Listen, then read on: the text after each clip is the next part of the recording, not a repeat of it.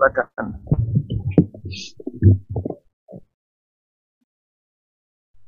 Bismillah, Assalamualaikum warahmatullahi wabarakatuh.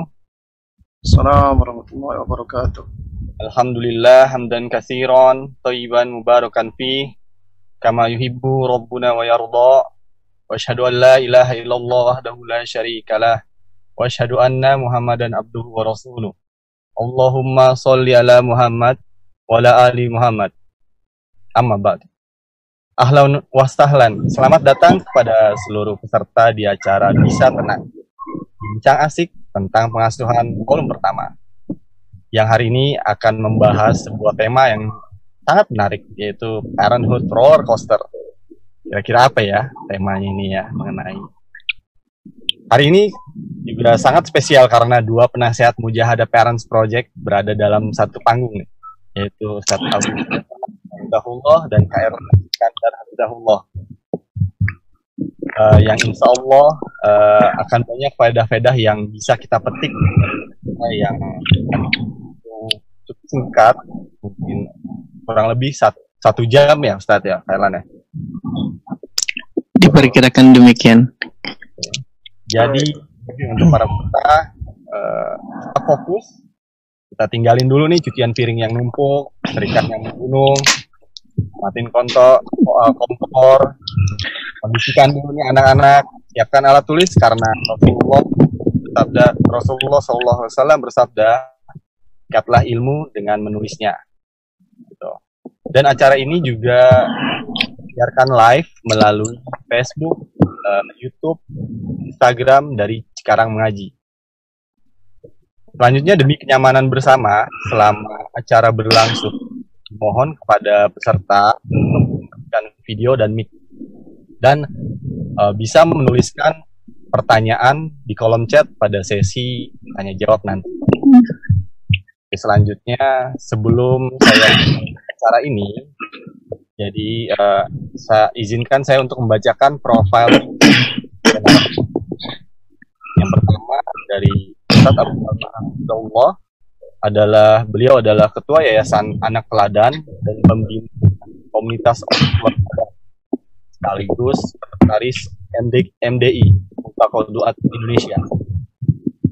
Selain itu beliau juga uh, pengampu grup Al Wasotia Al Iktidal di Telegram channel penasehat remaja masjid di sejumlah masjid di daerah Cinere dan sekitarnya. Uh, untuk aktivitas beliau, uh, juga aktif uh, mengisi kajian kajian-kajian tematik dan uh, hampir semua kajian beliau ini dapat dilihat di channel Telegram atau YouTube Ustadz Abu Salma. Untuk selanjutnya, um, Pak Erlan Iskandar Hafizahullah. Beliau uh, adalah pengisi cerita anak di Yufit, Radio Muslim, dan Ayo Belajar Tauhid dari Indonesia Bertauhid. Sekaligus penulis buku buku-buku anak yang dikeluarkan oleh Maktabah Al-Faid. Yaitu Faiz bertanya, habiskan makananmu, Allah itu ada, Allah pencipta kita, dan karya-karya lainnya yang uh, kita tunggu nih dari Kak Erlan. Kak Erlan juga uh, sibuk sebagai pengajar di beberapa lembaga seperti Tahfiz Quran, Tahfiz Rumah Sahabat Quran, Bisma Humairah, Ahad Umar bin Khattab, dan punya majelis dakwah remaja. Beliau juga aktif anak, daurah anak, juga program terbaru selanjutnya yaitu kisah-kisah sahabat online via YouTube Erlan bercerita juga kelas Tauhid for Kids. Untuk uh, dari saya mungkin sekian saja. Untuk selanjutnya saya serahkan kepada Kak Erlan. Kak Erlan, boleh Iya, jazakallah khairan kepada Abu Abia eh, yang sudah membuka dan memperkenalkan narasumber kita hari ini, yakni Ustadz Abu Salma Muhammad Hafizahullah Ta'ala. Dan insya Allah Kak Erlan pada kesempatan talk show kali ini akan menjadi moderatornya ya. Baik kita buka dulu. Bismillah, Alhamdulillah, Assalatu wassalam ala rasulillah, wala hawla wala quwata illa billah, amma ba'du. Segala puji bagi Allah, Rob yang maha penyayang, yang sayangnya tidak berbilang, yang senantiasa menyayangi kita semua. Sehingga pada kesempatan pagi hari ini, ayah bunda sekalian, kita bisa dimudahkan untuk bisa hadir di ruang Zoom Mujahadah Parents Project untuk menyimak talk show yang cukup menarik ini uh, dalam seri Bisa Tenang, Bincang Asik tentang Pengasuhan, di mana pada kesempatan kali ini mengangkat tema seputar parenthood roller coaster. Insya Allah kita akan beristifadah, banyak mengambil faidah uh, bersama guru kita Al Ustadz Abu Salma Muhammad hafizahullah taala. Assalamualaikum Ustaz. Ya, Waalaikumsalam warahmatullahi wabarakatuh. Masya Allah, gimana kabarnya Ustaz? Sehat Ustaz? Alhamdulillah sehat. Kak Ustaz. Masya Allah. Gimana Ustaz? Sudah siap berbagi faidah hari ini Ustaz? Ya, ya kan kewajiban Muslim kalau diundang dia wajib untuk memenuhi unjak apa? Wajib untuk memenuhi undangan ya. Nah, terlebih lagi ini sekarang yang yang apa ya yang mewakili tuan rumahnya adalah Kak Erlan ini. Nah, jadi ini adalah suatu kehormatan ya. Masya Allah. Kita bisa berbincang-bincang ini. Ya Ustaz, uh, Matur nuwun Ustaz atas kesediaannya meluangkan waktu untuk berbagi faedah hari ini. Insya Allah beliau akan uh, banyak sharing ke kita ayah bunda uh, terkait materi yang cukup menarik hari ini. Tapi sistemnya kita buat santai saja karena namanya talk show ya. Jadi lebih banyak tanya jawab dan kita buat suasananya lebih nyaman dan tidak usah tegang-tegang dan takut-takut untuk bertanya ya. Insya Allah Ustaz Abu Salma siap menjawab jika Allah memberikan kemampuan. Tapi insya Allah semoga dimudahkan nantinya Ustaz ya. Tapi Masya Allah. Uh, bagi ayah bunda yang nanti mau ikut bertanya dan bantuin Kak Erlan untuk ngasih pertanyaan ke Ustadz Abu Salma, silahkan bisa ditulis di kolom chatnya. Lalu kemudian uh, mungkin ada kesempatan juga untuk kami persilahkan bertanya langsung dengan mengaktifkan fitur raise hand-nya ya. Dan untuk menyegarkan suasana kita pagi hari ini, sebelum kita mulai dengan pertanyaan pertama, ada kuis terlebih dahulu ya untuk menghangatkan suasana kita pagi hari ini. Kuis berhadiah ini insya Allah ya. Sudah siap ayah bunda? Ini hadiahnya spesial loh ya. Masya Allah. Ini Mujahadah Parents Project sudah siapkan hadiah spesial buat ayah bunda yang bisa menjawab pertanyaan ini dan paling tepat. Serta paling benar jawabannya ya. Baik, ini pertanyaan pertama buat ayah bunda dulu. Kita kuis dulu ya. Siap ya ayah bunda ya. Soalnya adalah, mau yang susah atau yang mudah? yang mudah saja ya. Baik, Nabi Wasallam bersabda, "Tazawwaju al-walud uh, al-wadud wal-walud, fa ini mukasyirun bikum al-umam." Nikahilah oleh kalian perempuan yang lembut, mencintai suaminya dan subur keturunannya. Karena sesungguhnya aku akan berbangga dengan sebab banyaknya jumlah umat kata Nabi Shallallahu Alaihi Wasallam. Maka pertanyaannya adalah silahkan diketik di kolom chat Pertanyaannya berdasarkan hadis tersebut adalah siapa di antara ayah bunda yang jumlah anaknya paling banyak? Ya, silahkan diketik di kolom chatnya. Nanti kita lihat yang jumlah anaknya paling banyak itu yang jadi pemenang nanti ya. Hmm, ada yang tiga, dua, empat, masya Allah. Silahkan berlomba ayah bunda ya. Diketikkan di kolom chatnya nanti akan dinilai oleh tim Mujahadah Parents Project. Masya Allah. Ini kayaknya semangat semangat sekali Ustaz Abu Salma yang menjawab bahkan ada yang belum menikah juga ngetik jawaban. Ustaz, Masya Allah. Ada yang anaknya sebelas Ustaz. Masya Allah. Baik, sambil menyimak eh, jawaban-jawabannya Ustaz, ada sedikit pertanyaan mukodimah ini Ustaz, mengawali perjumpaan kita di kajian bisa tenang, bincang asyik eh, soal pengasuhan ini Ustadz. Pertanyaannya yang pertama Ustadz mungkin sebelum masuk ke inti-inti tentang parenthood roller coaster, kalau boleh tahu Ustaz, uh, dulu sejak kapan ya Ustaz Abu Salma tertarik dengan dunia parenting gitu Ustaz? Dan apa sih Ustaz yang melatar belakanginya? Mungkin banyak juga ayah bunda yang di sini sudah ikut kajian 40 seri hadis tentang uh, pengasuhan Ustaz ya. Uh, mungkin pengen dapat cerita gimana serunya belajar parenting gitu Ustaz dan apa yang melatar belakangi Ustadz mempelajari parenting ini. Ya. Monggo Ustadz. Ya, ya. Masya Allah. Ya. Bismillah. pertama ya apa namanya pribadi Ana mengucapkan jazakumullah khairan wa barakallahu fikum ya untuk teman-teman Mujahadat Anams Project selaku fasilitator dan juga uh, Kak Ustadz Erlan Iskandar yang sudi meluangkan waktu untuk menemani saya ya yang mana seharusnya kita ini modelnya seharusnya adalah kan sudah ada host, sudah ada MC. Jadi ya seharusnya yang menjadi narsumnya berdua atau kalau enggak sebaliknya saya yang jadi host seharusnya yang yang menjadi pembawa acara. Atau mungkin di di apa kesempatan berikutnya gantian nanti. Insya Allah taala. Ya, jadi uh, pertanyaannya adalah apa gitu ya Kak Erlan ya yang latar belakangi saya apa namanya uh, konsentrasi atau fokus ke dunia pendidikan anak ya. Jadi kalau boleh jujur ya, apa saya sebenarnya itu uh, juga ini juga sih apa sebenarnya juga kurang tahu juga ya. Itu dua tahun yang lalu ya, dua tahun yang lalu saya dan teman-teman di Bintaro sempat bikin namanya kelompok bermain anak teladan ya.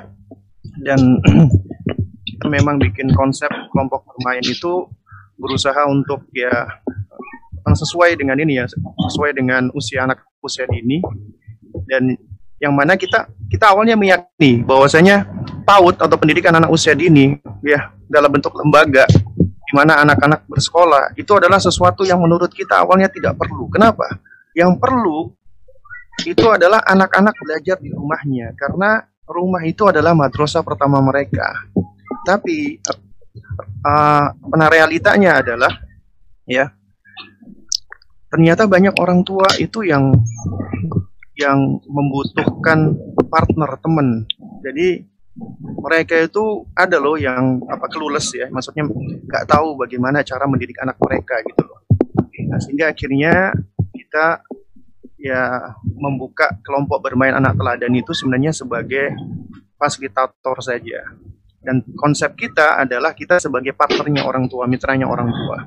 Nah, sehingga kita di situ mewajibkan para orang tua itu harus harus ya minimal punya misi yang sama atau kalau enggak dia menyesuaikan misi yang sama. Artinya kewajiban utama untuk mendidik adalah pada orang tua. Anak cuman anak itu ya uh, bukan dititipkan, tapi anak itu adalah sama-sama kita didik. Cuman porsinya belajar di rumah lebih panjang. Sehingga akhirnya kita memfasilitasi orang tua juga harus belajar harus sekolah ya. Jadi ada semacam sekolah orang tuanya ada apa kajian-kajian parentingnya. Nah itu yang pertama. Kemudian yang kedua ya awal mula kita uh, bikin kajian di Bintaro ya kita awalnya bikin kajian biasa kajian umum ya. Tauhid uh, jalan menuju ke surga atau jalan menuju kemenangan ya? Uh, apa saya lupa? Nah itu yang hadir itu ya biasa cuman kawan-kawan kita aja yang yang sudah lama ngaji yang sudah lama belajar ya. Nah terus akhirnya ketika di bulan depannya kita ubah dengan apa dengan usulan karena ini adalah fokus kita adalah untuk para orang tua akhirnya kita tambahin apa nama tagar ya bukan ya bukan tagar apa ya kita tambahin tag parenting di situ, kajian parenting Islam. Bagaimana mengajarkan tauhid pada anak. Tapi sebenarnya kan esensi substansi materinya sama gitu loh. Artinya orang tua harus belajar, harus ngerti, harus paham. Nah, cuman karena ada tagnya parenting, itu ternyata luar biasa. Jadi ini menunjukkan ya Masya Allah, banyak orang tua itu ternyata animonya terhadap pendidikan anak sangat luar biasa. Yang datang mulai yang pakai nikop sampai yang pakai kain cuma dipasang di kepalanya saja apa? Cuma di, di apa? Ditutupkan gitu loh di ke kepala. Nah ini menunjukkan ya suatu hal yang patut kita syukuri gitu loh. Kita sangat mengapresiasi. Jadi ternyata mungkin banyak ya orang tua itu untuk dirinya ya udahlah. Uh, kalau saya mau ya orangnya memang kayak gini lah maksudnya dia malas-malasan tapi kalau sudah ngomong tentang anaknya bahkan seandainya itu adalah seorang penjahat sekalipun kalau ditanya bapak ingin anaknya anak bapak apa seperti bapak? Dia pasti menjawab tidak. Saya ingin anak saya menjadi anak yang baik anak yang soleh. Artinya ternyata di situ ada kebaikan. Nah mulai dari semenjak itu ya apa namanya ya jadi ya mulailah yang namanya kajian-kajian itu selalu dilabeli dengan parenting. Terus akhirnya ya, ya sekarang ini ya setiap kali uh, diminta ngisi kajian ya selalu ada labelnya parenting gitu loh. Padahal ya hmm. ya nggak mesti juga gitu loh. Nah cuman memang ini apa namanya ya setelah kita ini ya uh, berusaha untuk ini ya untuk untuk melihat ya bahwasanya ternyata animo masyarakat ya kawan-kawan ini memang sangat haus sekali dengan yang namanya ilmu pendidikan anak. Apalagi sekarang kan ilmu parenting itu banyak sekali kan ilmu parenting Islam itu benar-benar benar-benar apa namanya uh, teori-teorinya itu banyak gitu loh dan tiap tiap apa ya tiap pakar itu dia uh, mengadopsi dengan berbagai macam teori yang diambil dari berbagai macam sumber. Di antaranya adalah sumber-sumber dari orang-orang barat atau orang-orang kafir. Dan kita sendiri alhamdulillah ya, kita tahu agama kita agama yang sempurna. Ternyata secara kawaid, secara prinsipil itu semua sudah ada di dalam agama kita. Cuman memang dari kita sendiri yang yang apa ya, yang mungkin uh, kurang gitu loh di dalam mutolaah. Padahal kalau kita perhatikan ya kitab-kitabnya para ulama-ulama kita tentang pendidikan anak itu juga sudah banyak. Nah, tapi alhamdulillah saat ini sudah sudah mulai banyak namanya uh, apa namanya penggiat-penggiat ya untuk dakwah khususnya terhadap keluarga gitu.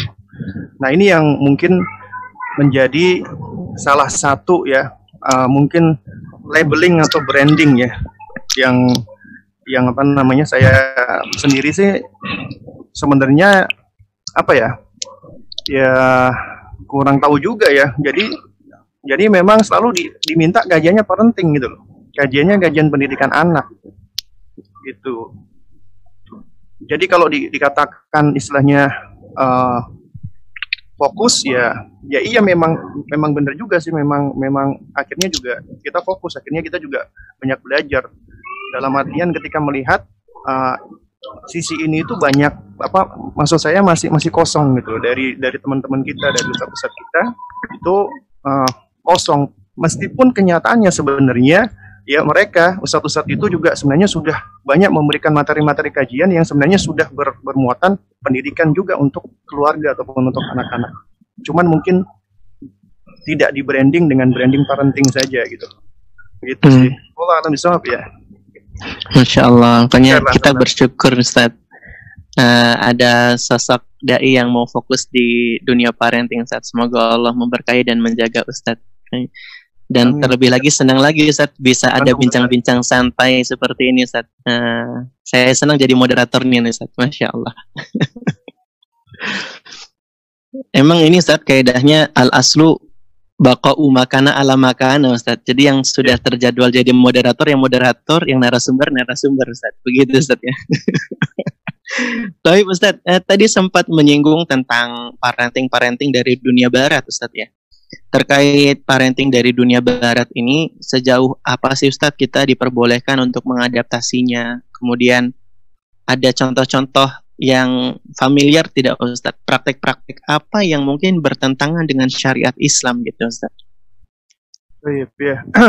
Jadi kalau boleh apa saya jujur ya, saya pribadi sebenarnya tidak begitu ngikutin ya tentang uh, maksudnya parenting-parenting yang yang memang berasal berkembangnya dari barat ya. Apa dengan berbagai macam bentuknya entah itu namanya inspiring parenting ataupun parenting ataupun itu apa saya memang nggak begitu ngikutinnya. Cuman memang ya kadang-kadang lihat dan dan baca. Dan uh, apa sebenarnya ini yang yang yang banyak membantu saya itu adalah istri Salma karena beliau itu yang yang lebih banyak sebenarnya uh, apa ya memberikan informasi kepada saya karena memang beliau apa hobinya baca. Jadi itu ya mungkin memang basicnya karena apa kedokteran ya dan juga eh, buku-buku yang dibaca itu memang yang tebel-tebel dan itu pun juga kalau menurut saya berat-berat ya. Jadi ya di antara yang banyak memberikan maklumat kepada saya tentang apa sebenarnya teori parenting barat adalah beliau gitu loh. Dan itu pun juga dalam artian uh, beliau nanya ke saya gitu loh. Ini mas gimana mas kalau ini ada teorinya seperti ini seperti ini seperti ini gitu kan Nah, dan itu dari apa namanya dari dari dis, apa, diskusi kita itu sebenarnya apa saya melihat ya bahwa yang namanya parenting ya, parenting dari barat ya. Ini anu ya, apa kesimpulan saya ya. Nah, jadi kesimpulan saya itu adalah ya, sebenarnya konsep-konsep mereka itu ya sebagian berangkat dari hasil observasi, dari hasil penelitian, dari apa riset. Nah, seperti misalnya ketika uh, mereka melihat apa namanya, ketika mereka memperhatikan ke arah uh, muyul atfal ya, apa namanya, perkembangan dan psikologi anak situ kan. Nah, ini sebenarnya memperhatikan muyulut atfal ataupun psikologi anak ini itu adalah sesuatu hal yang yang apa ya yang kalau memang itu objektif itu ilmiah ini adalah suatu hal yang baik gitu loh dan insya Allah sesuatu yang itu dilakukan dengan cara penelitian riset observasi dan juga pengalaman dan itu dan itu pun juga dilakukan dengan objektif tanpa ada muatan ideologi-ideologi itu biasanya tidak akan bertentangan dengan konsep Islam. Tapi kalau itu sudah bermuatan dengan ideologi-ideologi dan ini pun juga suatu hal yang yang yang menjadi PR buat kita ya untuk bisa menfilter ya. Nah, ini yang patut kita waspadai gitu loh. Nah, kan kalau kita perhatikan ya di di dalam konsep-konsep itu kan ada konsepnya apa namanya Charlotte Mason misalnya contohnya ataupun juga konsepnya Maria Montessori. Kemudian ada lagi apa namanya? Uh, aduh, saya lupa namanya lagi itu. Nah, itu ternyata mereka punya sisi pendekatan yang berbeda-beda di situ gitu loh. Ya. Dan uh, kalau misalnya kita contoh lihat ya, Maria apa namanya? Uh, ini apa namanya Montessori misalnya. Jadi kalau kalau saya perhatikan ya, kalau uh, konsep pendidikan Montessori itu kan memang kalau sekedar menitik berat apa menitik beratkan pada apa namanya perkembangan anak dari dari sisi kemampuan sensorik motoriknya dan seterusnya itu adalah suatu hal yang yang yang setahu saya sih insya Allah baik gitu loh. Tapi ketika di dalamnya sudah bermuatan ada ideologi-ideologi yang dibawa oleh uh, seorang sosok Maria Montessori, maka kita patut patut hati-hati di situ. Gitu. Karena tetap semua pengetahuan ya apalagi yang berasal dari orang-orang non muslim itu tetap harus waspada dan hati-hati. Artinya kita benar-benar harus punya basic atau dasar yang bisa menfilter. Nah, karenanya bagi teman-teman yang ingin uh, masuk ke dalam dunia pendidikan anak ya dan juga ingin mempelajari konsep-konsep itu ya harus sudah memiliki dasar, harus sudah punya ya landasan di situ gitu loh. Supaya bisa menfilter uh, konsep-konsep yang tadi gitu loh. Nah, nah itu kalau kalau dari dari dari ini saya ya dari hasil hasil ya istilahnya diskusi sama istri saya intinya semua konsep-konsep parenting berasal dari dunia barat Uh, sebentar ya. Sebentar, sebentar, sebentar.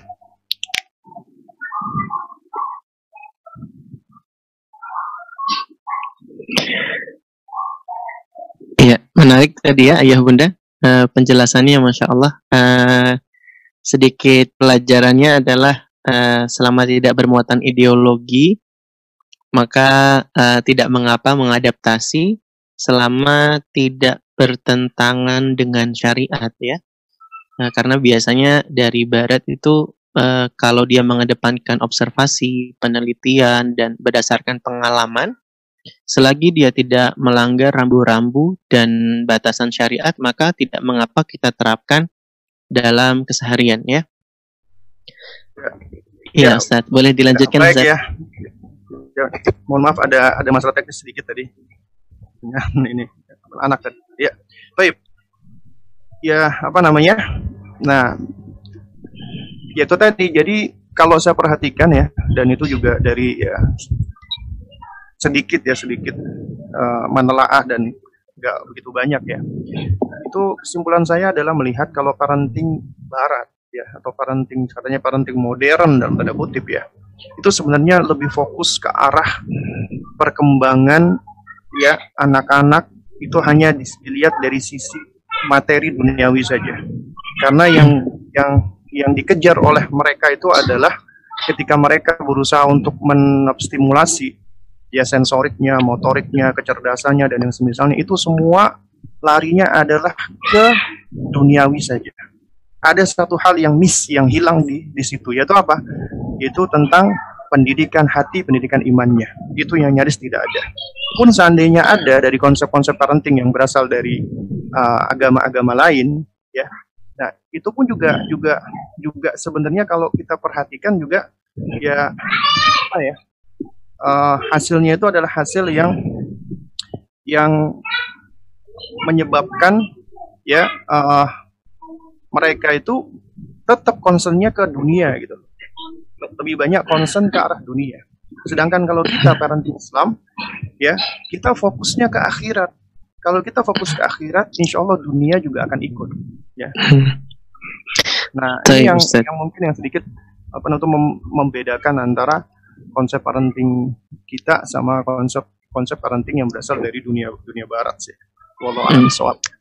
Nah, Taib.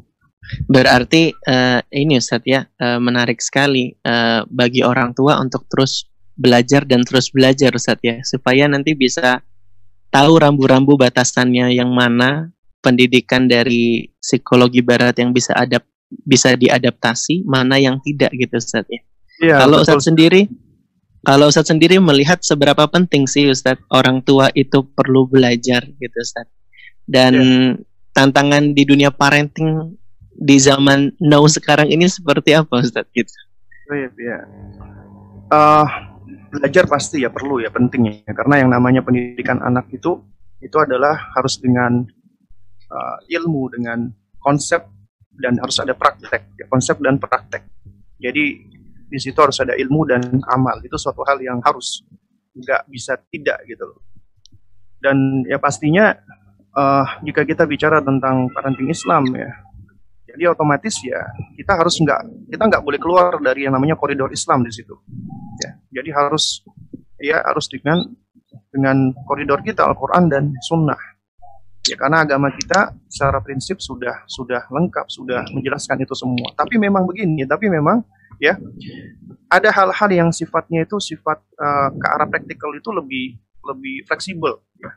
Artinya itu kita bisa belajar dari pengalaman kita belajar dari pengamatan, kita belajar dari observasi, kita belajar dari penelitian itu bisa, ya. Contohnya misalnya gini ya, uh, ketika apa saya ya waktu itu sempat manasik umroh ya, manasik umroh, ya, dan ketiga itu sedang membahas bab ihram ketika itu ya, bab ihram. Nah, jadi waktu itu kita jelaskan bahwa laki-laki untuk ihram dia cuma mengenakan dua buah kain, tidak berjahit, ya kan? Nah, terus kemudian ada seorang bapak-bapak tanya.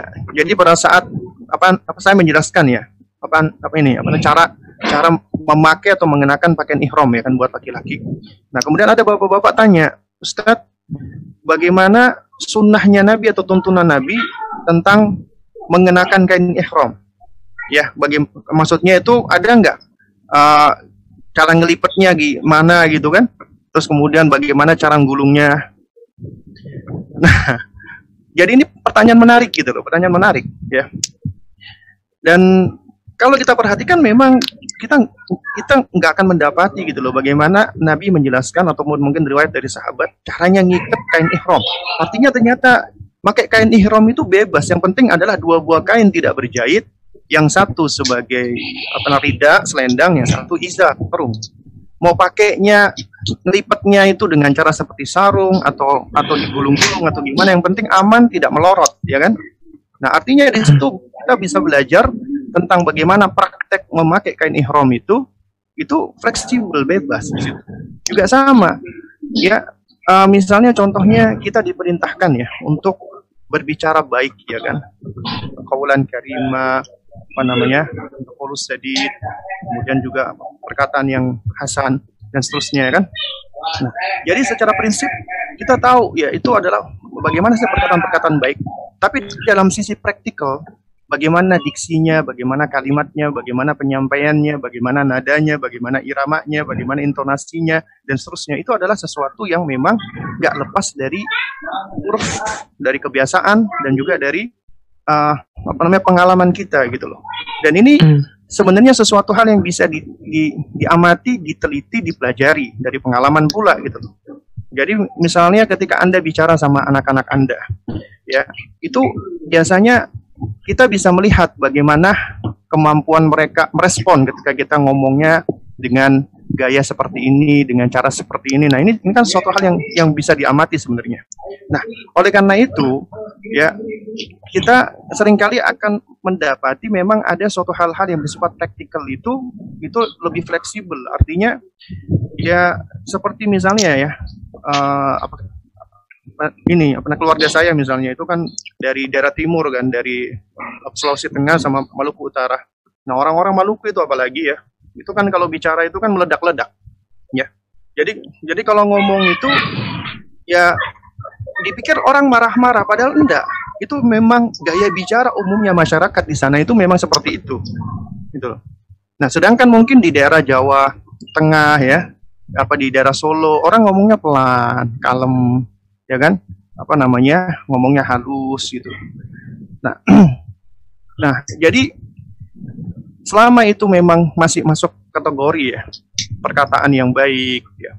Perkataan yang lurus ya. Perkataan yang mulia ya. Dan itu tidak tidak keluar dari apa dari konteks konteks itu ya konteks apa namanya tersebut. Artinya di dalamnya tidak ada perkataan yang menyakiti yang menghujat yang mencela yang mencerca dan seterusnya. Maka kita mau menyampaikan dengan dengan gaya bahasa kita dialek kita itu adalah suatu hal yang sifatnya fleksibel. Asalkan ya apa namanya perkataan perkataan-perkataan kita muatan kontennya itu baik gitu jadi nggak bisa orang orang Maluku itu disuruh ngomong seperti orang Solo. Apa seperti orang Solo itu nggak nggak bisa sulit gitu loh. Karena dia harus merubah suatu hal yang memang sudah sudah ini yang sudah menjadi kebiasaan dia ya. Jadi mungkin dia bisa intonasinya dipelankan tapi tetap uh, apa kecepatan kata-kata dan semisalnya itu beda gitu. Ya. Nah yes.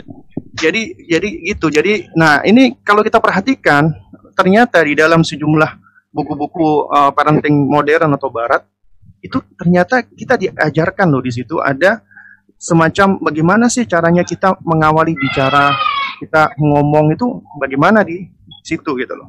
Apa namanya eh, contoh-contoh kalimatnya. Nah ini sebenarnya hanyalah bagian dari contoh saja ya. Nah kalau itu misalnya baik ya kita boleh untuk make untuk menerapkan asalkan tadi tidak tidak keluar dari dari koridor apa namanya uh, perkataan yang mulia, perkataan yang baik, perkataan yang lurus tadi. Ya, wallah alam sih itu ya kalau yang saya pahami seperti itu. Oke, jasa kalau khairan Ustaz, uh, faedahnya Masya Allah bagus sekali. Berarti ketika orang tua sudah menyadari pentingnya belajar, tinggal nanti bagaimana mempraktekannya saja Ustaz ya di hadapan anak-anak karena memang butuh nafas panjang, dada yang lapang gitu Ustaz ya, emosi oh, ya, yang benar. luar biasa harus dijaga. Makanya judul kajian talk show kita hari ini ada kata-kata roller coasternya Zat. karena ada rasa bolak balik jungkir baliknya gitu Zat. Iya, iya. karena betul, betul. memberikan teladan itu susah Zat. ada teman cerita kemarin Ustaz uh, hmm. dia lagi ngajarin anaknya adab kalau masuk pintu rumah bilangnya tok tok tok assalamualaikum gitu hmm. hanya saja ternyata anaknya sudah duluan mencontoh orang yang sering masuk rumah mengatakan hmm. tok tok tok paket katanya jadinya ternyata memberi teladan itu penting Ustaz ya dan oh. ketika yang di copy paste adalah orang yang keliru dan kurang tepat akhirnya membekas gitu Ustaz. Nah, pertanyaannya Ustaz, gimana Ustaz ya bisa memberi teladan kepada anak-anak untuk berkata yang halus, bersikap yang santun karena terkadang orang tua itu ngelus dadanya terlalu banyak Ustaz. Nafasnya begitu dibutuhkan begitu panjang Ustadz. Ini mohon nasihat Ustadz buat para ayah bunda biar sabar untuk menghadapi anak dan bisa mengontrol emosinya gitu Ustadz dan bisa mempraktekkan dan memberikan teladan. Baik ya. Baik, itu namanya tadi sebenarnya ada yang kelewat ya dan ini juga insya Allah ada kaitannya dengan yang sekarang ya. Bahwasanya memang kewajiban kita sebagai manusia mau kita udah menikah atau belum menikah, kita nggak bisa lepas dari yang namanya belajar, menuntut ilmu. Bahkan sebenarnya ya, dan ini juga sering dan bolak-balik saya sampaikan bahwa namanya menuntut eh menuntut mendidik anak itu dimulai dari apa ini apa sedini mungkin. Bahkan sejatinya ketika Anda wahai orang tua, Anda mendidik anak Anda, ya di sini tuh ada cycle of life. Ya ada siklus kehidupan ketika Anda mendidik anak Anda dari usia dini, Anda sudah ajarkan yang namanya kasih sayang, perhatian, ya, rahmalin, warifq, ya, wal ihtimam. Itu mereka sudah akan menyerap hal itu. Dan sesuatu yang mereka serap ini dari semenjak dininya, ini yang insya Allah akan ya mudah-mudahan menetap di dalam diri mereka dan ini yang akan mereka terus praktekkan kepada anak-anak mereka. Nah, sehingga apa? Sehingga ketika kita mendidik anak-anak kita ketika mereka masih kecil, itu sejatinya ini menjadi sebab mereka belajar untuk mendidik anak-anak mereka kelak nantinya gitu. Nah, sehingga apa? Sehingga di sini apa nah, sejatinya kita sedang mendidik ya. Ketika mendidik anak kita juga kita sedang mendidik mereka kelak menjadi orang tua di situ. Dan kemudian yang kedua, ketika kita mendidik mereka, ya, ini kan berarti kan kita sudah masuk ke dalam tahapan ta'lim, ad-dakwah yang namanya taklim atau dakwah ini seharusnya sudah diawali dengan dua step sebelumnya. Punya ilmu, harus belajar dulu, harus berusaha mempraktekkan. Dan bab praktek ini adalah bab yang penting dalam rangka untuk memberikan kudwah atau uswah atau contoh. Ya kan? Nah, dan ketiga hal ini tuh nggak boleh lepas. Ya, harus ada terus belajar, mengamalkan atau mempraktekkan, kemudian mengajarkan, baru kemudian itu tadi yang kata Kak Erlan tadi kita butuh nafas yang panjang di situ kita butuh namanya kesabaran di situ. Dan ini adalah sesuatu yang harus kita lakukan sampai nafas kita berhenti. Sampai kita meninggal dunia. Dan sejatinya ketika kita punya anak atau nggak punya anak ya kita tetap harus terus melakukan ini ya. Dan ketika punya anak artinya Allah berikan kepada kita amanat. Dan amanat itu adalah tentunya bisa menjadi ujian bagi kita dan mereka adalah perhiasan untuk kita, hibah karunia dari Allah. Tapi ternyata bisa menjadi musuh buat buat kita. Dan di sisi lain, mereka bisa menjadi karunia yang besar, bisa menjadi koroton ayun, penyejuk mata buat buat kita. Nah, kita sebagai orang tua, kewajiban kita itu cuman kita terus belajar, ya. Kita harus tahu apa ilmu yang paling utama dan yang paling pertama harus kita pahami dan harus kita nantinya kita ajarkan kepada anak kita. Tentunya akidah dan tauhid yang paling benar. Ya. Akidah tauhid yang sahih itu harus kita pelajari. Ya. Baru kemudian ke masalah-masalah berikutnya. Di antara contohnya yang penting itu adalah masalah sholat. Bab sholat itu ternyata banyak loh orang tua. Coba kita lihat diri kita. Kita usia kita sekarang berapa? Anggap aja sudah di atas 20 tahun ya Insya Allah ya. ya. Nah, kalau kita perhatikan, ya ketika kita sholat, apa namanya, bagaimana sih, apa namanya, se, sejauh mana sih kita sudah mengerjakan sholat itu sesuai dengan yang dituntunkan oleh Rasulullah. Artinya begini, ya. Artinya memang ada khilaf di dalam bab fikih sholat. Cuman yang saya maksud adalah pernah nggak sih kita itu mempelajari fikih sholat dengan sebenar-benarnya, mencari tahu dalilnya, bukan cuma sekedar ikut-ikutan, bukan sekedar kita ya apa namanya melaksanakan dari apa yang sudah diajarkan tanpa kita pernah menelaah dalilnya, tanpa kita pernah uh, tahu ataupun membaca hadis-hadisnya, ya. Meskipun di situ ada khilaf, ya minimal kita sudah baca, kita ya kita minta tolong sama Allah agar Allah uh, berikan kita hidayah taufik agar kita bisa ya uh, dibimbing oleh Allah untuk apa namanya memilih mana yang paling kuat atau mana yang paling sahih. Lalu kemudian sholat juga ya itu kalau kita kita baca ya di antaranya uh, tafsirnya Syekh Muhammad bin Saleh Al Utsaimin ya semoga Allah merahmati beliau ya ketika Allah Subhanahu wa taala berfirman apa namanya fawailul lil musallin maka celakalah orang-orang yang sholat ya ya. Uh, apa namanya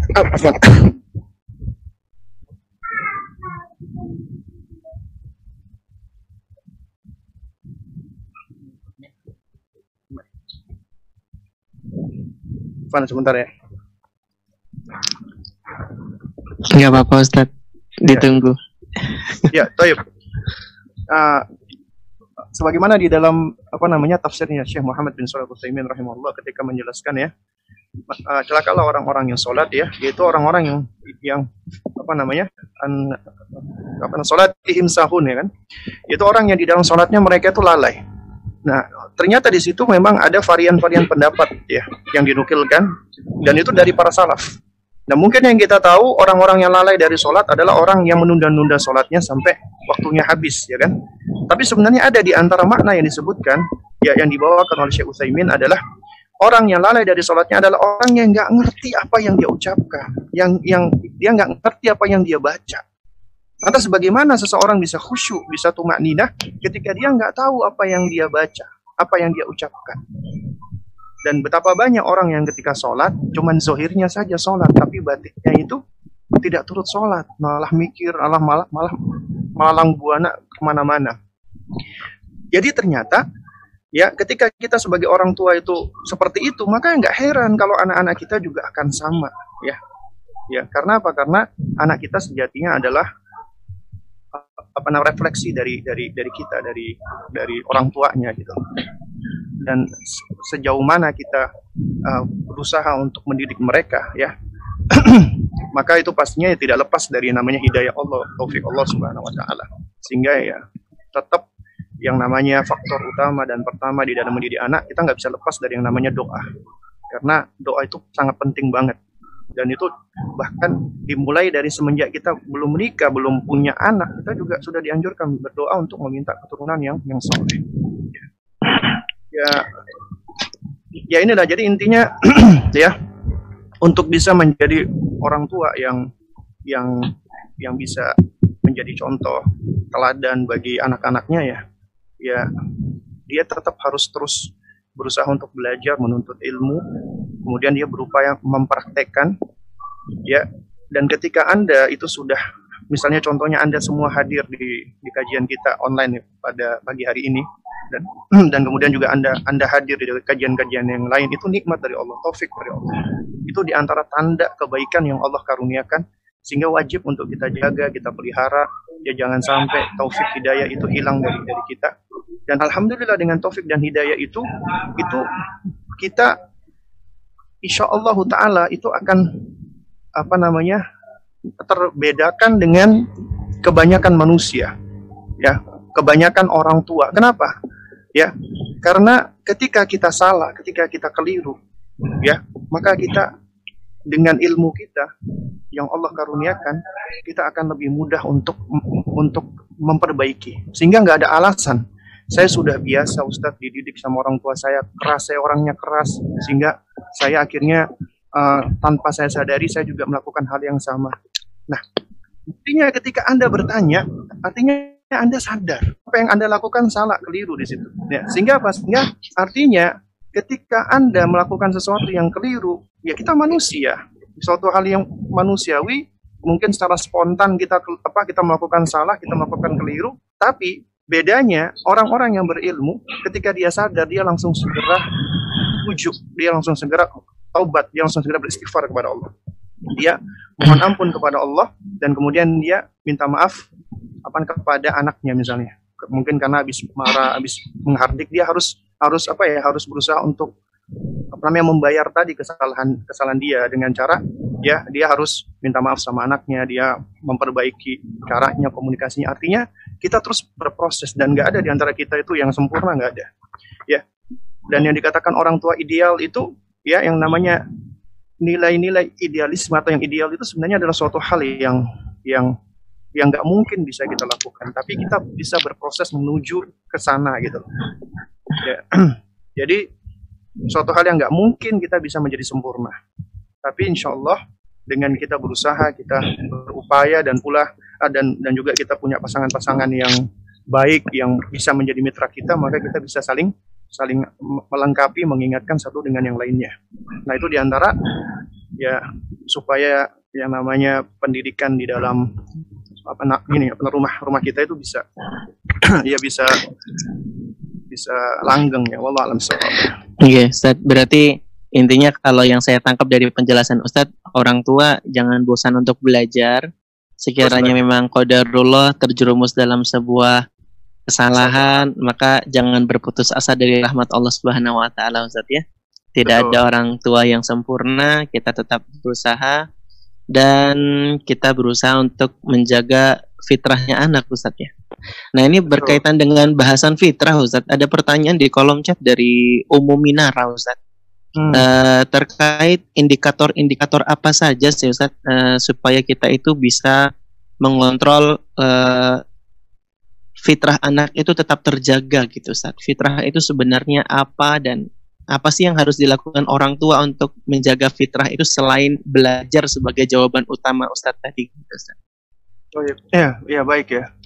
Ya, nah ini mungkin di antara yang menjadi ciri khas dan pembeda ya antara konsep kita konsep Islam dengan konsep-konsep lainnya bahwa kalau kita perhatikan ya di antara konsep-konsep uh, orang-orang kafir, orang-orang barat ya.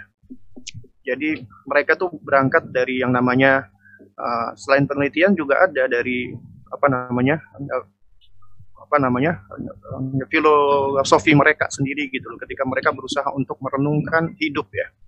Nah cuman konsep filosofi mereka ketika mereka merenungkan kehidupan ini adalah berbeda dengan kita kaum muslimin yang mana kita selalu mengembalikan semuanya kepada Al-Quran dan Sunnah ya karena yang paling tahu tentang ya kehidupan itu sendiri karena Allah yang menciptakan adalah namanya penciptanya. Nah kalau di kalau di konsep-konsep orang-orang kafir ya itu di antaranya ada sebagian mereka itu mengadopsi ya teorinya John Locke ya dengan teori apa namanya eh, ini tuh apa namanya tabula rasa bahwasanya anak itu dilahirkan dalam keadaan kosong seperti kertas putih ya nggak ada isinya ya kosong. Jadi yang akan mengukir, yang akan menggores itu adalah orang tuanya. Apabila goresannya baik, baik. Apabila uh, goresannya jelek, jelek. Nah ini konsepnya John Locke ini apabila kita perhatikan, ya itu di situ ada perincian. Ada perincian, ada yang benar dan ada yang salah. Artinya kita nggak bisa memutlakkan itu salah, nggak nggak bisa memutlakkan itu benar. Ya karena kita punya apa timbangan. Timbangan kita adalah Al-Quran dan Sunnah.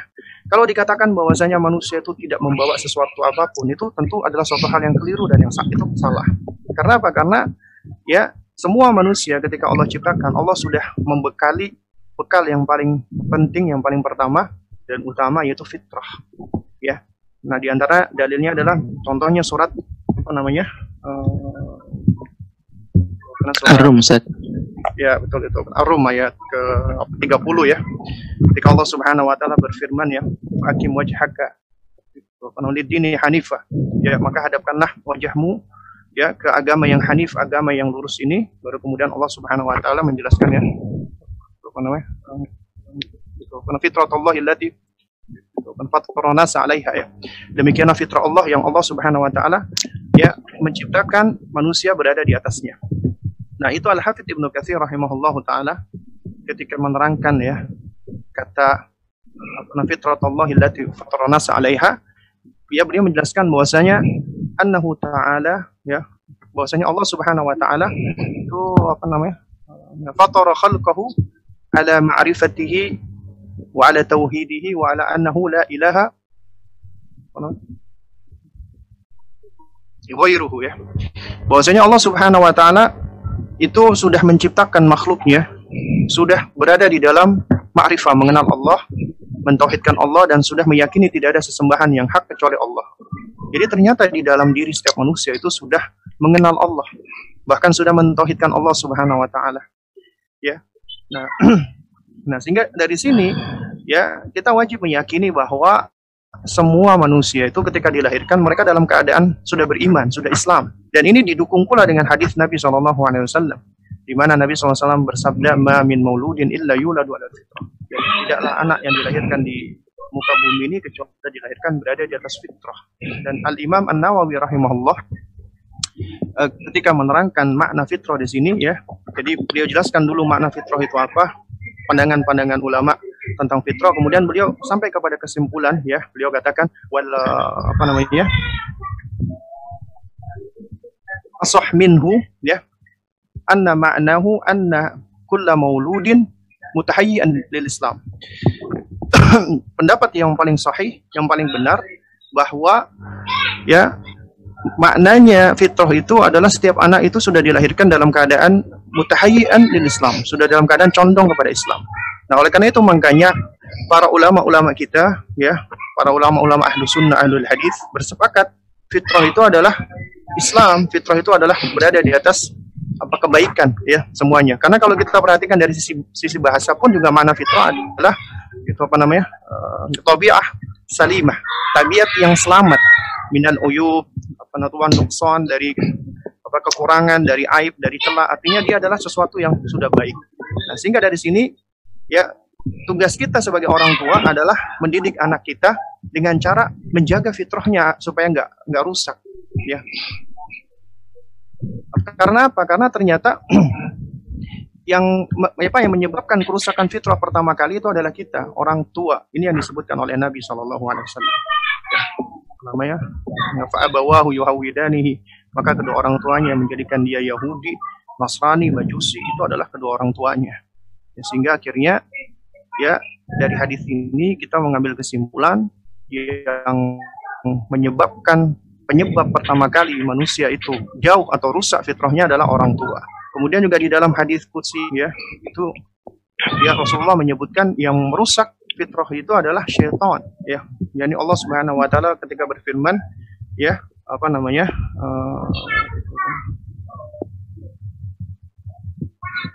Laktu ibadi hunafa. Ya, aku aku ciptakan hamba-hambaku itu hanif lurus ya. Ya. Summa kemudian apa namanya?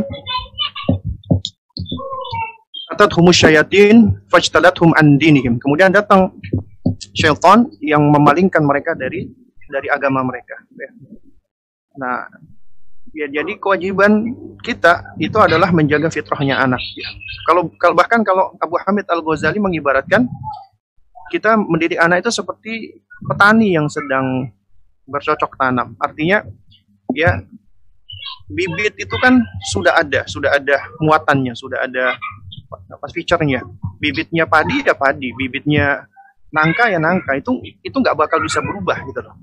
Nah, kita ya kalau petani dia sudah punya bibit ya.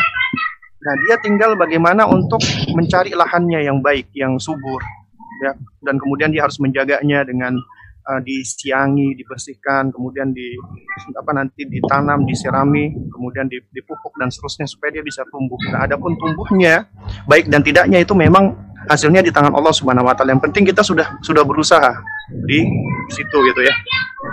Nah, ini kalau kalau kita bicara tentang fitrah ya. Nah, kalau dari sisi ini itu yang disebutkan oleh John Locke itu adalah suatu apa adalah teori yang tidak benar. Cuman kalau dari sisi ya manusia itu kosong dari ilmu, ya manusia itu awalnya ketika diciptakan memang bodoh, benar, ya. Jadi yang disebutkan oleh oleh John Locke benar, ya. Kalau memang uh, yang dimaksud adalah manusia itu ya kosong vakum dari ilmu, ya. Karena memang ya sebagaimana di dalam surat An-Nahl ya ayat ke apa namanya?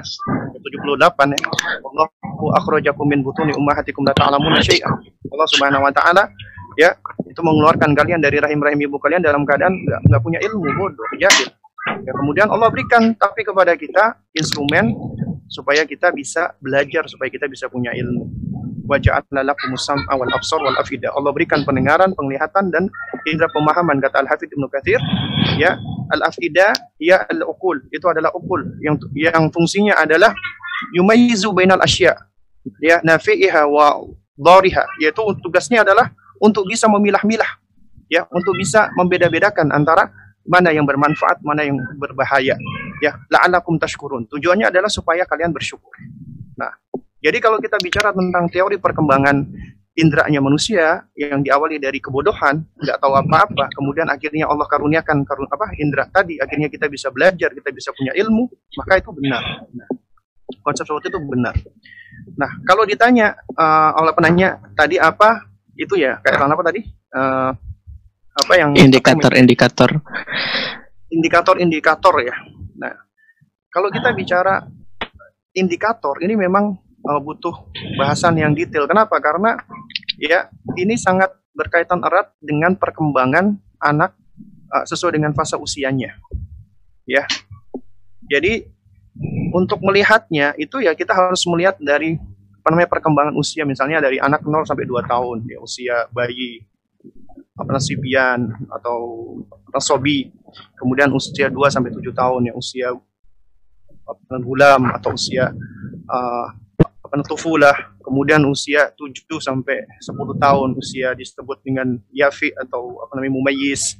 Kemudian 10 sampai balik 14 tahunan kurang lebih ya. Ya disebut dengan usia murahik, baru kemudian seterusnya. Jadi untuk melihatnya ya kita harus melihat dari apa namanya uh, perkembangan-perkembangan usia.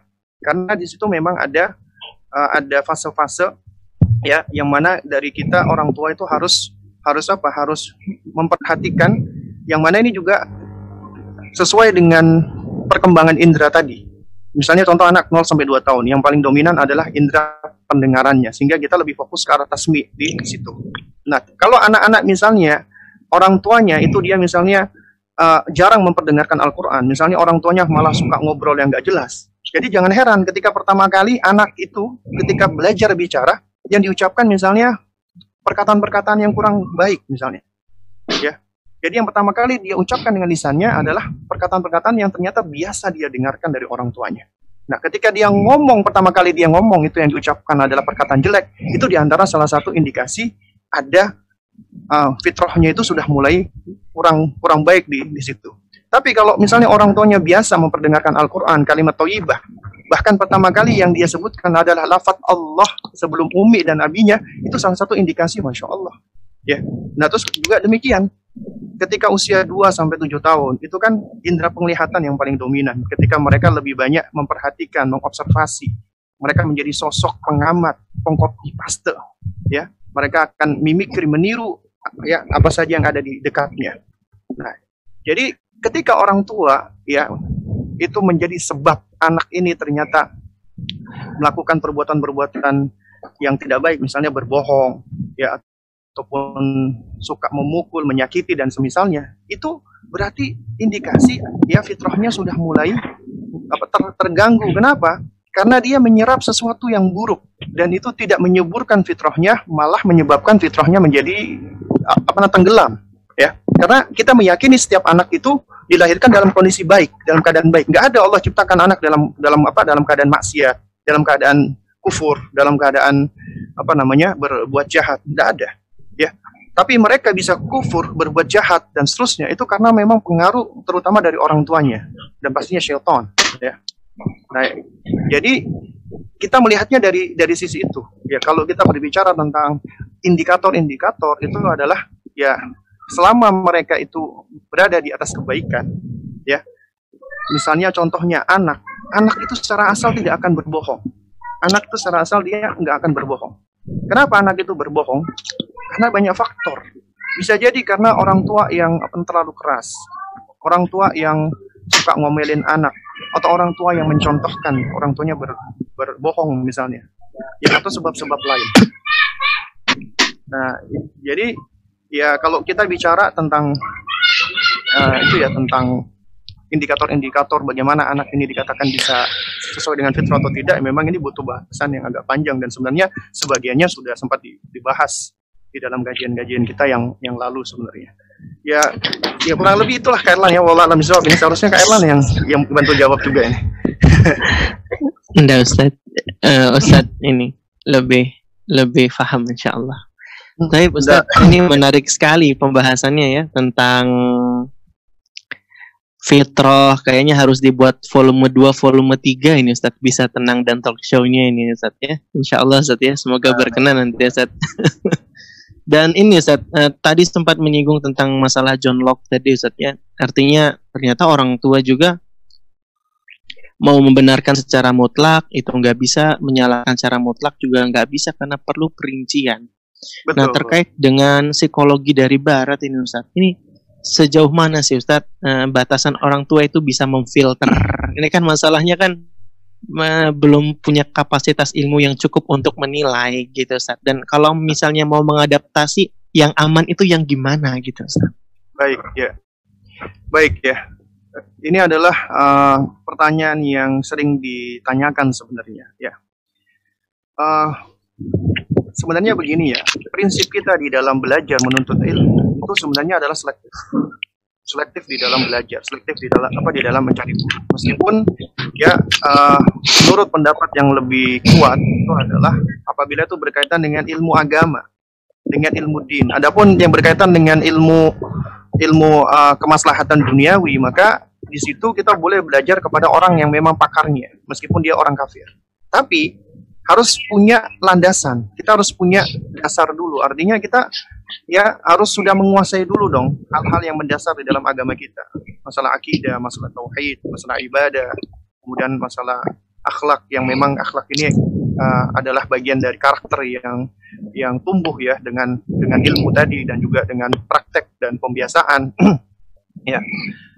Nah, jadi ya untuk apa ya namanya ya orang tua yang ataupun mungkin ada teman-teman atau adik-adik mahasiswa atau mahasiswi ya. Yang ini juga juga banyak yang bertanya bagaimana sih Ustadz kita belajar mempelajari ilmu psikologi? Gitu kan. Bahkan ada yang ada yang mengatakan katanya ada seorang Ustadz mengharamkan. Kenapa? Karena di dalamnya itu isinya ilmu filsafat ya.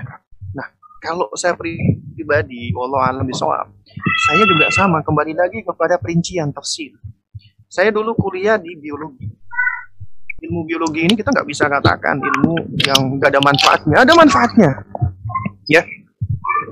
Tapi ternyata di di di dalam perkuliahan saya harus belajar ya konsepsi-konsepsi yang sangat berlawanan dengan Islam. Di antaranya teori evolusi. Bahkan ketika saya belajar ya sistem SPH ya sistem perkembangan hewan atau tumbuhan SPT dan semisalnya. Itu ternyata konsepsi mendasar dari apa dari teori-teori tersebut. Itu dari teori evolusi. Dan saya meyakini evolusi itu tidak benar. Bahkan ya kalau mungkin ada teman-teman saya dulu kuliah tahu karena saya dulu suka debat sama dosen saya dulu. Ah, tentang masalah ini. Tentang masalah apa namanya itu evolusi Nah, ini adalah ilmu yang mau nggak mau harus saya baca, harus saya pelajari. Tapi ketika saya baca, saya pelajari, bukan untuk saya benarkan, bukan untuk saya ambil, bukan untuk saya praktekkan, enggak. Karena saya meyakini ini ilmu-ilmu yang nggak benar. Ketika saya pelajari, malah saya semakin tahu bobroknya ilmu ini, sehingga saya pun akan menolaknya dan juga bahkan saya akan bantah, akan akan mengcounter sesuai dengan pengetahuan saya. Kalau memang kita kita mampu. Nah demikian pula ketika Anda belajar ilmu psikologi, bukan artinya semuanya jelek, enggak. Ada loh ilmu-ilmu yang memang berangkat dari dari apa ya dari hasil uh, penelitian saintifik, dari eksperimen, dari penelitian. Itu sesuatu hal yang kita nggak bisa pungkiri, ya. Dan ini memang secara asal hukumnya mubah. Kemudian ketika Anda harus dihadapkan dengan teori-teori, namanya teori kan, teori psikologi misalnya teorinya apa namanya Sigmund Freud yang semua di apa di, diarahkan ke seksualitas ya. Sehingga dia dikenal sebagai apa namanya uh, apa namanya anggap psikoseksual ya ya. Ya itu ketika anda pelajari anda cuma cukup tahu aja gitu loh. Bukan untuk anda benarkan. Nah karena itu makanya sebelum anda belajar ilmu-ilmu seperti ini kuatkan dulu dasar. Belajar dulu tentang masalah agama akidah yang benar ya itu menjadi kunci. Dan ketika Anda mempelajari uh, tentang teori-teori seperti ini dengan ilmu yang sudah yang sudah Anda miliki, ya itu sedikit banyak akan bisa turut membantu. Kalau ada yang ragu-ragu ya memang harus ditanyakan, harus ditanyakan kepada orang yang lebih tahu tentunya. Ya, ya jadi ya kita nggak bisa langsung mengklaim ilmu psikologi itu jelek ataupun bahkan dikatakan haram. Untuk untuk menfonis haram itu itu nggak mudah gitu. Itu butuh butuh apa ya? Butuh apa namanya? Butuh argumentasi yang kuat. Harus ada gambaran real ketika orang mengharamkan seperti itu gitu. nah jadi kalau saya pribadi ya harus ada perincian. Bahkan saya pribadi itu sangat butuh dengan orang-orang yang dia punya basic ilmu psikologi. Nah karena itu di apa di di sekolahan kami sekolah anak teladan saya memang sengaja mencari. Ya waktu itu dan alhamdulillah dapat. Ada teman-teman nih yang memang punya basic psikologi. Akhirnya kita bisa bersinergi di, di situ. Karena dia punya basic. Basic ilmu pengetahuan yang memang itu adalah ya sains di situ ya. Jadi ada hal-hal yang sifatnya sains tapi ada hal-hal yang sifatnya filosofi. Dan yang sifatnya filosofi ya kalau itu bertentangan kita buang gitu loh. Nah waktu itu saya sempat sempat menjawab seperti ini kemudian itu ada yang bilang berarti Ustadz teori ambil baiknya buang buruknya benar dong berarti kan dan waktu itu yang saya jawab adalah menurut anda pernyataan ambil baiknya buang buruknya itu benar atau enggak? Salah Ustadz. Nah ketika anda mengatakan teori ini salah ucapan ini salah secara mutlak anda sudah jatuh kepada kesalahan. Kenapa? Karena secara asal memang kita itu wajib untuk mengambil sesuatu yang baik dan wajib untuk membuang suatu hal yang yang buruk. Jadi sebenarnya yang dikritisi bukan ini bukan kaidah yang keliru, ini kaidah tidak keliru, tapi yang keliru adalah penerapannya. Artinya penerapan adalah ya ini kaidah bisa dipakai untuk orang-orang yang punya ilmu, yang punya dasar. Dia udah tahu mana yang benar, mana yang tidak. Ya, dia dia punya basic. Nah, untuk orang-orang yang nggak punya basic, yang baru belajar, ya tentunya dia nggak tahu dong bagaimana bisa menimbang ini yang ini yang benar mana yang salah mana. Nah, yang dikritisi itu yang seperti ini. Jadi salahnya di dalam uh, salah kaprah di dalam penerapan ya uh, kalau kita katakan kaidah ya ya ini apa kaidah seperti ini. Tapi sebenarnya sejatinya memang kita manusia nggak bisa lepas karena kita selalu dihadapkan dengan ada yang baik, ada yang salah, ada yang jelek dan juga ada yang bagus. Dan kita makhluk mumayis Ya Allah Subhanahu wa taala ciptakan kita itu sebagai makhluk mumayyiz. Allah karuniakan kita pemahaman, tapi pemahaman kita juga dipengaruhi oleh yang namanya ilmu. Dengan itu kita bisa memilah-milah mana yang baik, mana yang buruk, mana yang bahaya, mana yang tidak, mana yang bagus, mana yang enggak. Ya. Tapi tentunya yang penting adalah dasarnya. Apa dasar kita memilah ini baik dan ini tidak? Nah, karena yang mengganya anak-anak itu sendiri uh, kemampuan ini itu ber, berkembang bertahap. Sampai akhirnya di usia tujuh tahun itu baru dikatakan usia lazimnya godipnya anak dikatakan mumayis meskipun ternyata tidak semua anak tujuh tahun sudah mumayis ada yang belakangan ada yang duluan mumayisnya dan ini juga sudah kita bahas. Ya ya itu sih Kak Erlan kalau yang saya pahami sih Kak Erlan. Iya Ustaz jazakallah khair. Nanti biar ayah bunda bisa menengok rekaman-rekaman kajian Ustaz Abu Salma ya untuk lebih rinci. Dan saya juga saya juga tadi melihat banyak pertanyaan yang sebenarnya sudah sempat dibahas di kajian-kajian Ustadz ya Ustadz ya. Mungkin Ustadz bisa kasih penjelasan gak Ustadz ya? Gimana Ustadz ya supaya orang tua ini bisa tenang?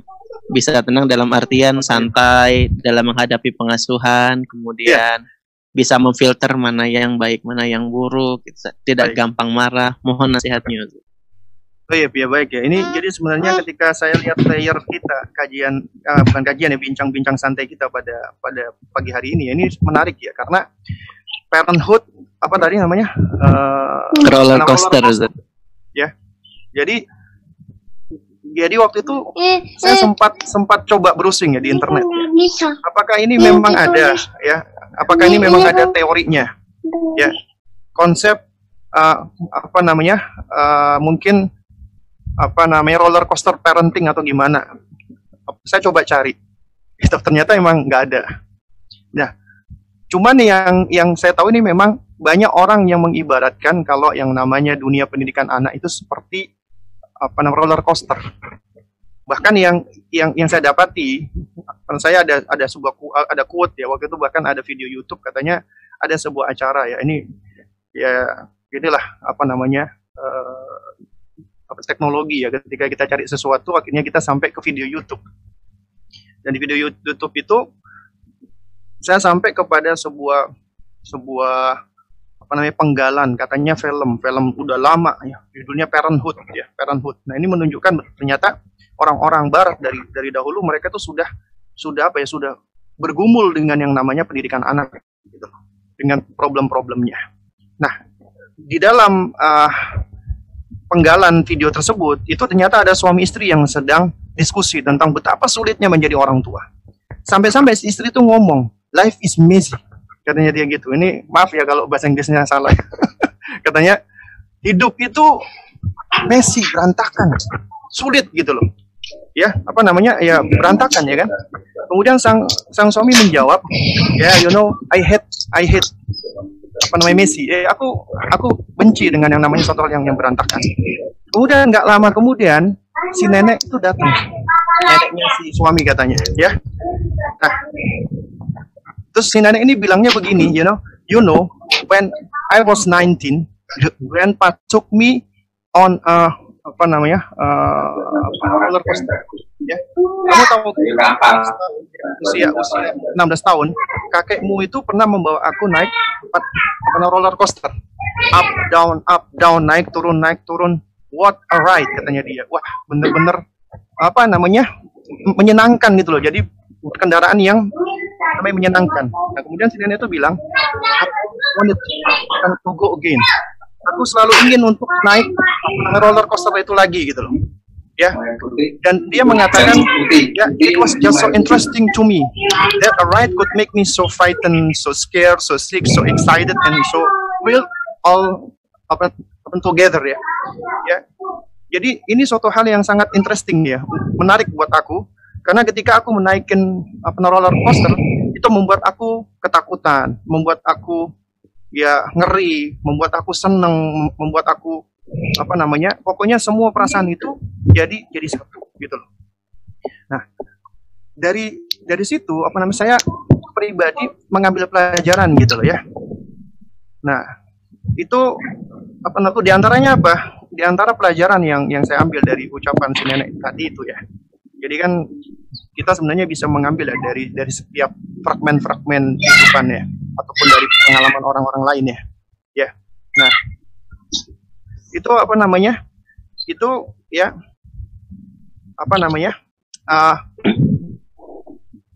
jadi meskipun orang menganggap bahwasanya parenthood atau parenting is like uh, apa, ini apa roller coaster ya seperti naik ya itu ternyata ada loh orang-orang yang senang ada orang-orang yang orang yang takut. Jadi ternyata orang-orangnya itu apa ya istilahnya ketika melihat ya namanya naik di apa naik uh, menaiki wahana ini itu memang ada yang takut ada yang berani gitu loh.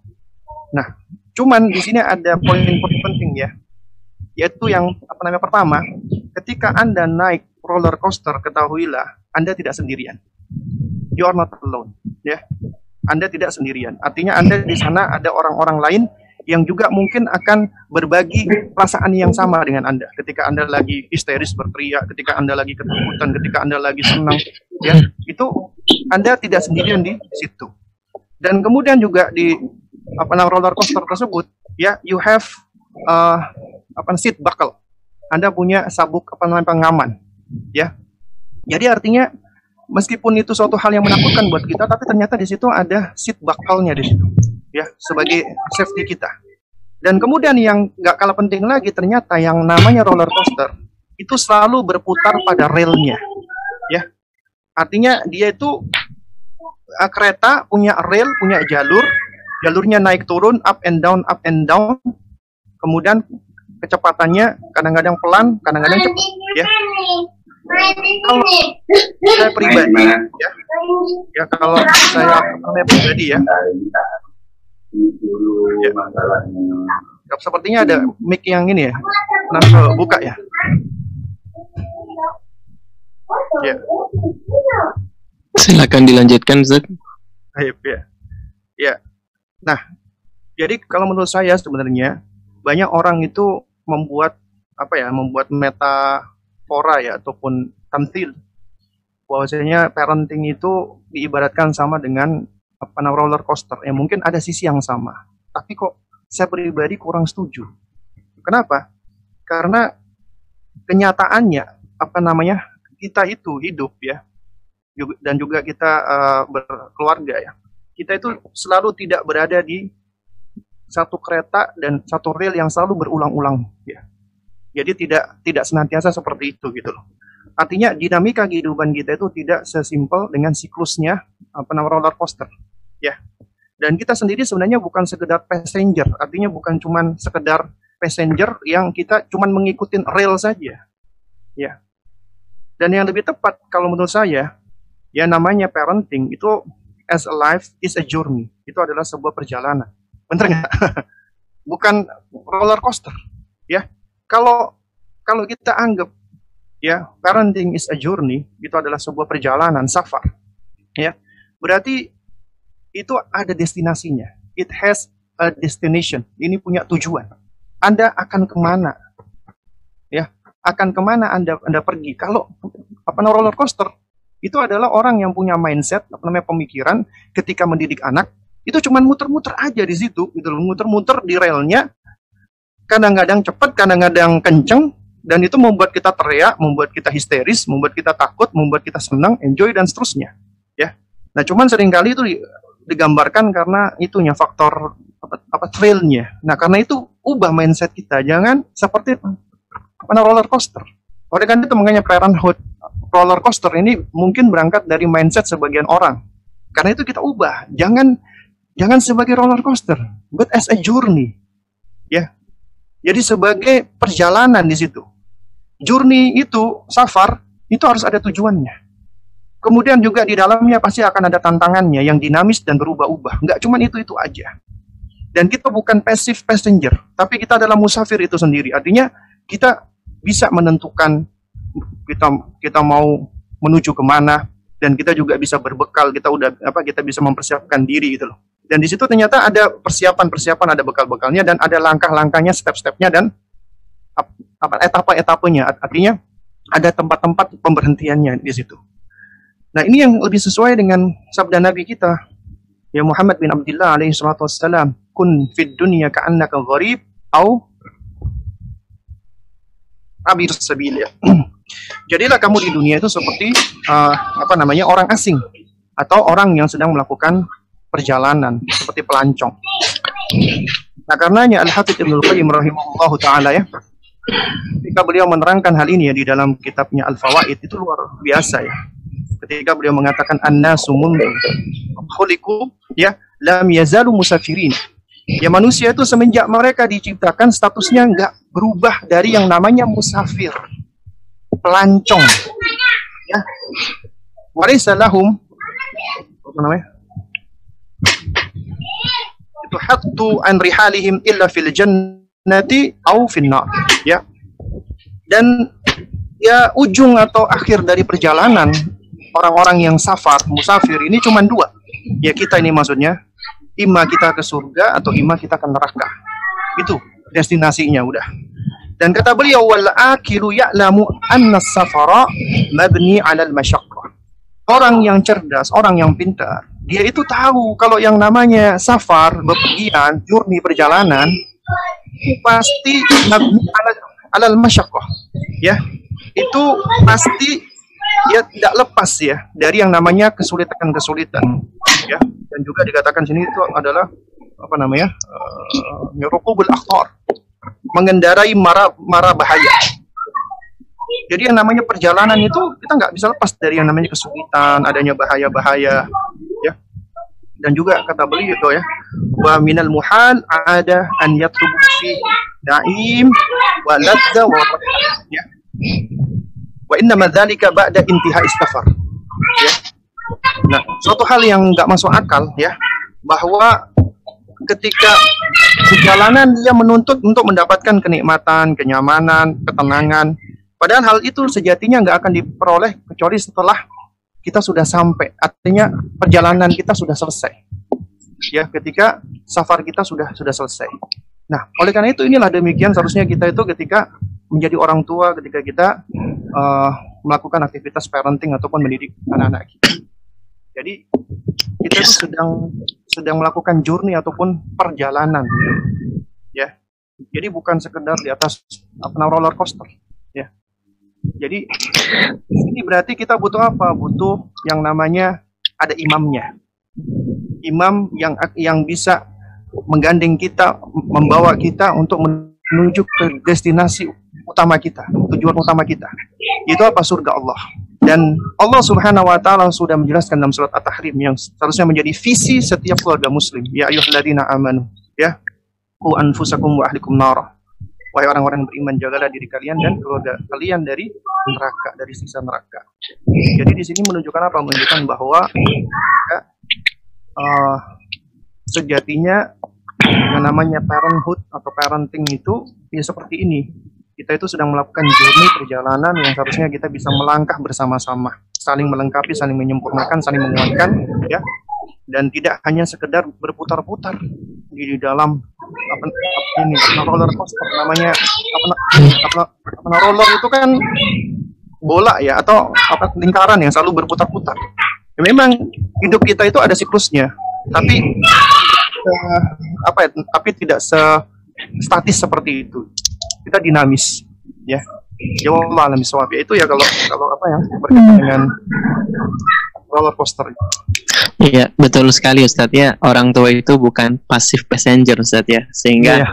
terkadang sebagian orang tua juga banyak yang menyalahkan pola pengasuhan orang tua sebelumnya Ustaz sehingga yeah. mungkin menyerah dengan keadaan kemudian menyalahkan orang tua tidak terima takdir hingga justru malah dia tidak berdamai dengan dirinya sendiri dan merubah dirinya gitu ya Ustaz ya nah ini mungkin pembahasan tentang ini kapan-kapan dilanjutkan Ustaz. Ya ini menarik juga Ustaz. Ala kulihal memang tim Mujahadah Parents Project menyinggung judul ini karena istilah ini cukup tren dan populer Ustadz dan yeah, yeah. memang perlu untuk diluruskan sama-sama. Mungkin nanti suatu saat Ustadz juga bisa menjelaskan tentang konsep inner child dalam pandangan Islam karena ini juga termasuk yang jadi trending topik dalam dunia parenting. Yeah. seperti apa pandangan yang tepat dan yang benar mungkin ada hal yang perlu diluruskan gitu saatnya dan semoga kita sebagai orang tua bisa punya timbangan yang tepat untuk bisa uh, tidak terlalu termakan trending topik dan punya timbangan yang pas, mana yang dipilih yang benar, mana yang perlu diluruskan gitu Ustaz ya. Yeah. Masya Allah Ustaz ini sebenarnya masih banyak sekali Ustaz pertanyaan kita hari ini. Yeah. Tapi kodarullah ya? waktu yang harus mengakhiri Ustaz. Kayaknya satu jam itu kurang Ustaz. Ya. Masya Allah nanti semoga di volume 2 siap Ustaz ya jadi narasumber lagi Ustaz. Insya Allah gantian ya. oh tidak bisa Ustaz kan kaidahnya Ida hadarul ma batalat tayamum Ustaz ya. Kalau sudah ada air tayamumnya batal Ustaz. Ustaz ayatnya saya debunya Ustaz ya. Butiran debu. Tapi nanti ditunggu saja ayah bunda kapan info bisa tenang di volume yang kedua. Insya Allah kita akan bahas uh, faedah-faedah yang lebih menarik lagi dan mungkin yang kita tidak sadari kalau ternyata perlu kita pelajari ya. Demikianlah ayah bunda, bapak ibu sekalian kami ucapkan jazakumullah khairan sudah mau membersamai di dalam kajian kita kali ini. Insya Allah kita lanjut lagi kajian talk show yang berikutnya dengan tema yang lebih seru, dengan pertanyaan-pertanyaan yang lebih menarik dan menggelitik ya insya Allah. Dan semoga nanti hadiah kuisnya jauh lebih banyak ya insya Allah. Demikianlah ayah bunda, bapak ibu sekalian kajian kita pada kesempatan kali ini. Semoga kita dapat ilmu yang bermanfaat, dapat wawasan yang baru dan makin bangga dengan Islam, makin semangat untuk mengamalkan keislaman dan menerapkannya dalam dunia pengasuhan serta kita jadi semakin semangat belajar jadi orang tua dan semoga kita bisa tenang. Demikianlah kajian kita kali ini. Terima kasih Ustadz sudah meluangkan waktunya. Ditunggu info jadwal kosong untuk volume yang kedua Ustadz ya. Insya Allah Ta'ala. Subhanakallahumma bihamdika asyhadu alla ilaha illa anta astaghfiruka wa atubu ilaik. Assalamualaikum warahmatullahi wabarakatuh. Waalaikumsalam warahmatullahi wabarakatuh. Mungkin dari tim Mujadah Parents Project mau menutup? Atau langsung Kak Erlan akhiri saja ini? Cukup Kak Erlan insya Allah. Baik, Masya Allah. Silakan Ayah Bunda, jika ada hajat lain sudah diperkenankan untuk meninggalkan dan live kami perkenankan silahkan jazakumullah khairan